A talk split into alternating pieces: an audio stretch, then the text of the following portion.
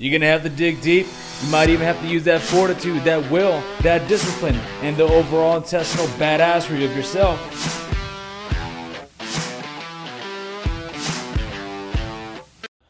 Hey, hey guys, it's Rico on the radio. So today is March 29th, 2020, right? And today we're gonna obviously talk about the COVID 19, but more specifically the COVID 19 uh, email scam, text messaging scam, and also other scams that are going around and one of the biggest things we need to deploy with one each one, with one another and also the people who are not technology savvy is awareness and preparedness right? So what i'm starting to see right now is a email or a text message that says hey so and so like in my instance hey rico get the latest covid um, remediations and also symptoms so you can go get tested right so you click on that link and it forwards you somewhere else and asks you for some sort of credentials or is trying to populate something to uh, such as a Trojan on your on your um, on a device, whether it's a mobile device or a computer device, right? And that's kind of the text message. Now the the uh, phishing one, which is the email, it actually has a hyperlink in there, and it says, "Hey, uh, you know, we're part of the CDC," and it looks pretty legitimate. And um, it says, "Hey, we're part of the CDC. Here's some recommendations. Here's some links that you want to go through, right?" And what it does is actually redirects you to another link.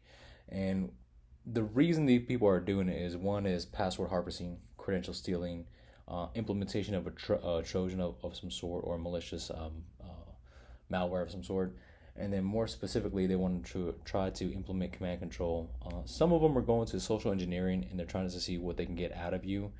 I wouldn't be surprised if the next phase would be um, what's it called? Um, with the stimulus package coming out, people are going to say, "Hey, click on this link to claim your stimulus package. Just enter your social security name and text me- and your phone number, and you'll get a text message." So not only will they hit you from the cell phone side, but the computer side.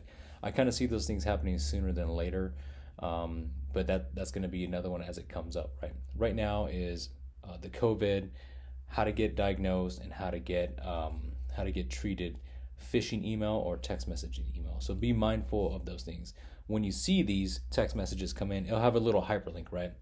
Uh, what I would do is there's URL checkers, right? You can go out there and just punch in that direct URL to the checker, and it'll do the validation for you, whether it's a bad or good one, right?